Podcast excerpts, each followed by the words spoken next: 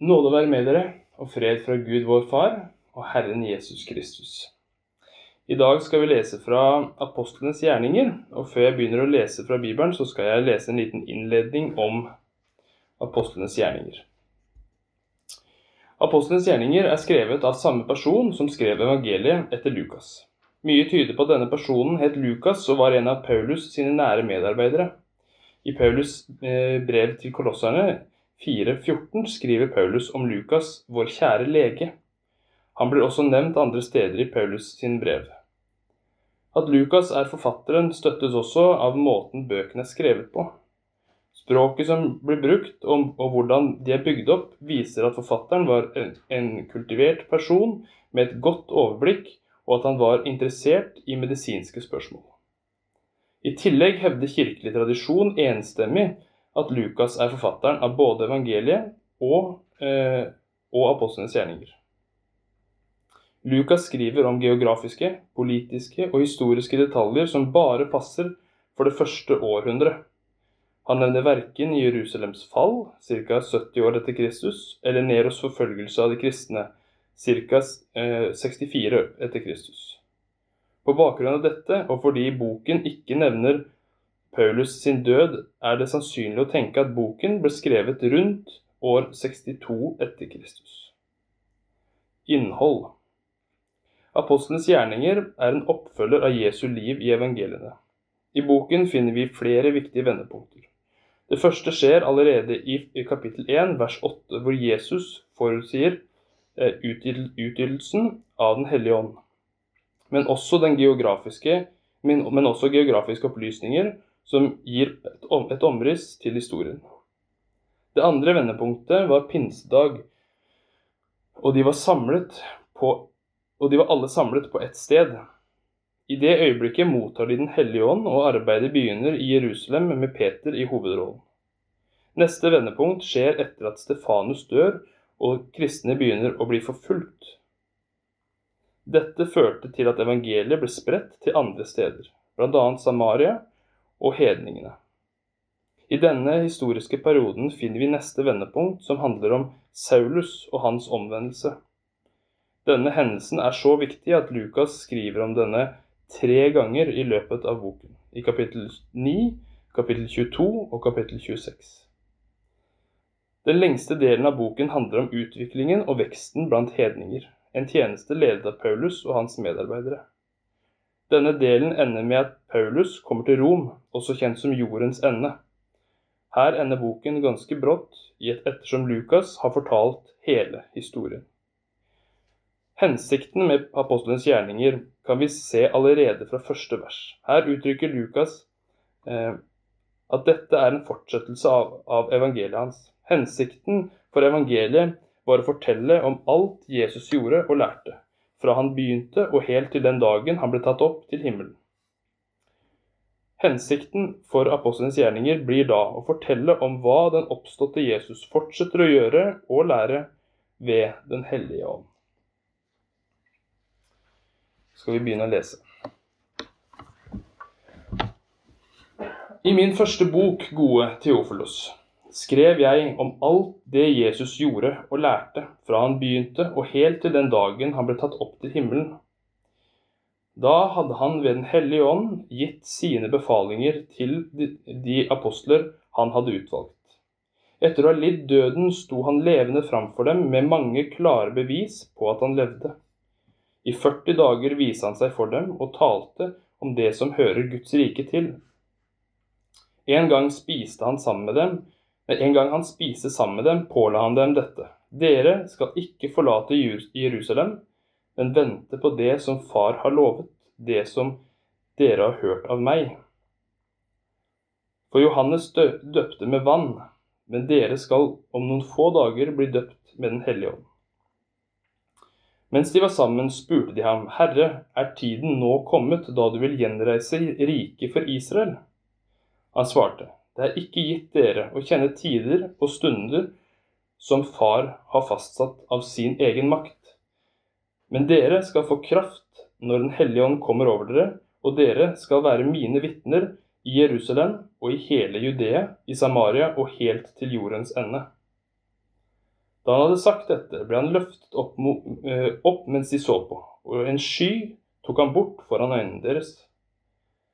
Som de nå stirret mot himmelen mens han dro bort, sto med ett to menn i hvite klær foran dem og sa, Galileere, hvorfor står dere og ser mot himmelen?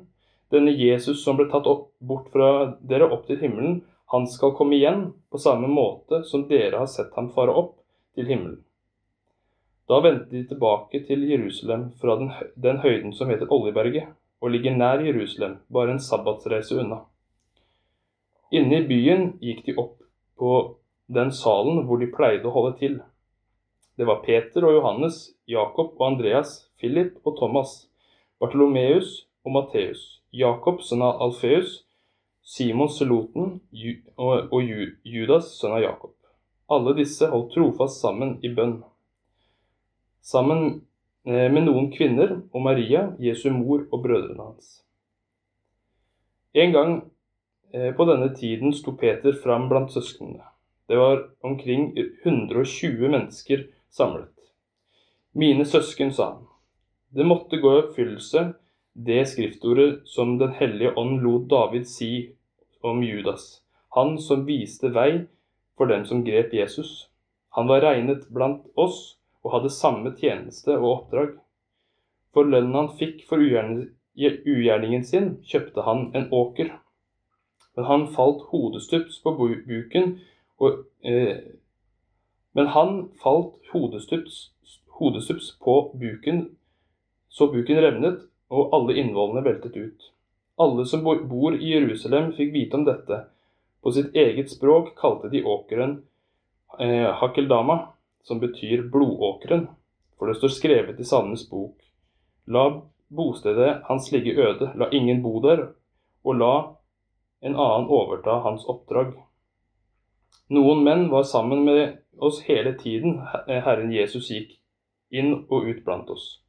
Helt fra begynnelsen, da han ble døpt av Johannes, og til den dagen han ble tatt opp, eh, opp fra oss opp til himmelen. Nå må en av disse eh, sammen med oss være vitne om at han er stått opp. Og de stilte, to, de stilte fram to. Eh, Josef, som ble kalt Barabas, med tilnavnet Justus, og Mattias. Så ba de, Herre, du som kjenner alles hjerter, vis oss hvem av disse to du har utvalgt til å ta plassen etter Judas og overta den aposteltjenesten som han forlot da han gikk til sitt eget sted. De kastet lodd mellom dem, og loddet falt på Mattias. Fra nå av ble han regnet som apostel sammen med de elleve. Da pinsedagen kom, var alle samlet på ett sted. Plutselig lød det fra himmelen som når en kraftig vind blåser, og lyden fylte hele huset hvor de satt. Tunger som av ild viste seg for dem og delte seg og satte seg på hver enkelt av dem. Da ble de fylt av Den hellige ånd, og de begynte å tale på andre språk ettersom ånden ga dem å forkynne. I Jerusalem bodde det fromme jøder fra alle folkeslag under himmelen. En stor folkemengde stimlet sammen da de hørte denne lyden, og det ble stor forvirring. For hver enkelt hørte sitt eget morsmål bli talt. Forskrekket og forundret spurte de, er det ikke eh, galileere alle disse som taler? Hvordan kan da hver enkelt av oss høre sitt eget morsmål? Vi er partere og med, eh, med, medere, elamitter, folk som bor i Mesopotamia, Judea og eh, Kappadokia, i, Pantos, i Pontus eh, og Asia, i Frygia og Pamfylia, i Egypt og i Libya-området mot Kirede, og innflyttere fra Roma. Jøder og proselytter, kretere og arabere, og vi hører dem tale om Guds storverk på, på våre egne tungemål. De visste ikke hva de skulle tro, og forvirret spurte de hverandre, hva er dette for noe? Men noen gjorde narr av dem og sa, de har drukket seg fulle på søt vin. Da steg Peter fram sammen med de elleve. Han hevet stemmen og talte til dem, jødiske menn og alle dere som bor i Jerusalem. Merk dere hva jeg sier dere, og lytt nøye til mine ord. Disse menneskene er ikke fulle, slik dere tror. Det er jo bare tredje time på dagen. Men her skjer det som er sagt gjennom profeten Joel. I de siste dager skal det skje, sier Gud, at jeg øser ut min ånd over alle mennesker. Deres sønner og døtre skal profetere, de unge skal se syn, og de gamle skal, drøm skal drømme drømmer. Selv over mine slaver og slavekvinner vil jeg i de dager øse ut min ånd, og de skal tale profetisk. Jeg setter varsler oppe på himmelen og tegn nede på jorden, blod og ild og røykskyer. Solen skal forvandles til mørke og månen til blod, før Herrens dag kommer, den store og strålende. Men hver den som påkaller Herrens navn, skal bli frelst. Israelitter, hør disse ord. Jesus fra Nasaret var en mann som Gud pekte ut for dere, med mektige gjerninger og under og tegn som Gud lot ham gjøre blant dere. Alt dette kjenner dere til. Han ble utlevert til dere slik Gud på forhånd hadde bestemt og kjente til, og ved lovløses eh, hånd naglet dere ham til kors, korset og drepte ham. Men Gud reiste ham opp og løste ham fra dødens rier. Døden var ikke sterk nok til å holde ham fast, for David sier om ham, Alltid har jeg Herren for mine øyne, for han er ved min høyre side, jeg skal ikke vakle. Derfor gledet mitt hjerte seg, og min tunge jublet, og selv kroppen kan slå seg til ro med håp, for du skal ikke forlate min sjel i dødsriket, og og ikke la din hellige eh, se forråtnelse. Du har lært meg å kjenne livets veier, og du skal fylle meg med glede for ditt ansikt. Brødre, la meg tale fritt og åpent til dere om vår stamfar David. Han døde og ble gravlagt og den dag i dag har vi graven hans hos, oss. Men han var en profet og visste, Gud, eh, visste at Gud med ed hadde lovet å sette hans livsfrukt på hans trone. Derfor så han inn i fremtiden og talte om at Messias skulle stå opp. Det var han som ikke skulle være, bli værende i dødsriket, og det var hans kropp som ikke skulle se forråtnelse. Denne Jesus har Gud reist opp. Eh, det er vi alle vitner om. Han ble opphøyd til Guds høyre hånd og mottok fra sin far Den hellige ånd som var lovet oss, og den har han øst ut slik dere ser og hører. For David for ikke opp til himmelen. Han sier jo selv, Herren sa til min Herre, sett deg ved min høyre hånd, til jeg får lagt dine fiender som skammel for dine føtter så skal hele Israels folk vite for visst denne Jesus som dere korsfestet, ham har Gud gjort til både Herre og Messias. Da de hørte dette, stakk det dem i hjertet. Og de sa til Peter eh, og de andre apostlene, Hva skal vi gjøre, brødre? Peter svarte dem, Vend om og la dere døpe i Jesu Kristi navn, hver og en av dere, så dere kan få tilgivelse for syndene og dere skal få Den hellige ånds gave.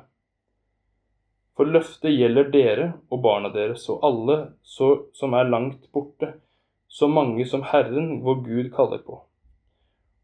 Også med mange andre ord vitnet han for dem, og han formante dem. La dere frelse fra denne vrangsnudde slekten. De tok imot budskapet hans, ble døpt, og den dagen ble lagt til omkring 3000 mennesker. De holdt trofast til apostlenes lære og fellesskapet til brødsbrytelsen og, brød, og, og bønnene. Hver og en ble grepet av ærefrykt, og mange under og tegn ble gjort av apostlene. Alle de troende holdt sammen og hadde alt felles. De solgte eiendommene sine og det de ellers eide, og delte ut til alle ettersom hver enkelt trengte det. Hver dag holdt de tro, trofast sammen på tempelplassen og i hjemmene brøt de brødet og spiste sammen med oppriktig og hjertelig glede. De sang og lovpriste Gud og var godt likt av hele folket, og hver dag la Herren til nye som lot seg frelse.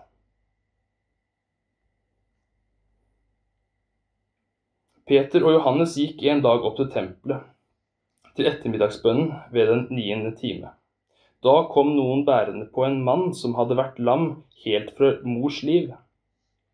Hver dag satt de med ham eh, Hver dag satte de ham ned ved den tempelporten som kalles Fagerporten, så han kunne tigge om gaver fra dem som gikk inn på tempelplassen. Da han så Peter og Johannes som var på vei inn, ba han om en gave. De så fast på ham, og Peter sa, Se på oss.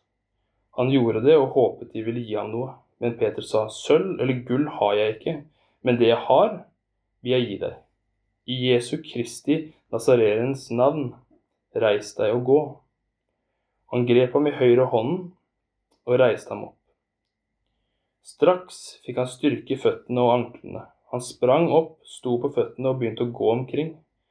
Han fulgte dem inn på tempelplassen, hvor han snart gikk, snart sprang, mens han sang og priste Gud. Og alle så hvordan han gikk omkring og lovpriste Gud. De kjente ham igjen og visste at det var han som pleide å sitte ved fagerporten og tigge om gaver, og de ble slått av undring og forferdelse over det som hadde hendt. Mannen holdt seg nære til Peter og Johannes, og, og, og, fulle av undring stimlet hele folket sammen rundt dem i Salomos høysal, sølesal. Da Peter så det, begynte han å tale til folket. Israelitter, hvorfor er dere forundret over dette? Hvorfor stirrer dere på oss som om det eh, var vår egen kraft eller fromhet som gjorde, det, gjorde at denne mannen kan gå?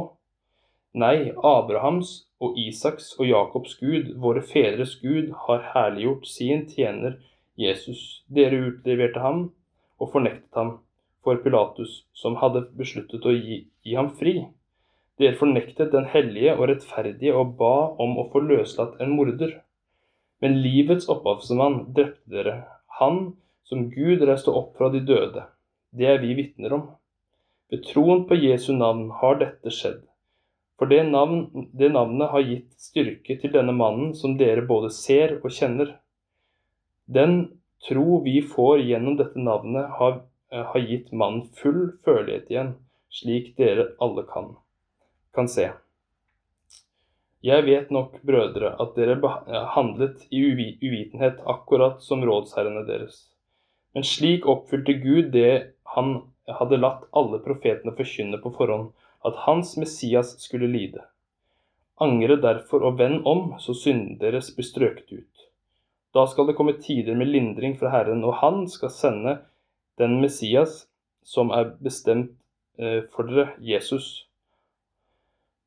Han må være i himmelen til tiden kommer, da alt det blir gjenopprettet som Gud har talt om fra eldgamle dager ved sin, eh, sine hellige profeters munn. Moses har sagt, Herren, eh, Herren Gud skal la det stå fram en profet som meg blant dere, en av deres egne brødre. Han skal dere høre på i alt det han sier til dere. Hver og en som ikke hører på denne profeten, skal utryddes av folket. Ja, alle profetene som har talt helt fra Samuel av, har forkynt det som skjer i disse dager. Dere er barn av profetene og har del i den pakten som Gud opprettet med fedrene deres da han sa til Abraham, i din ett skal alle slekter på jorden velsignes. Gud lot sin tjener stå fram for dere først og sendte ham for å velsigne dere når hver og en vender om fra sin ondskap. Herren velsigne deg og bevare deg. Herren la sitt ansikt lyse over deg og være deg nådig. Herren løfte sitt åsyn på deg og gi deg fred. Amen.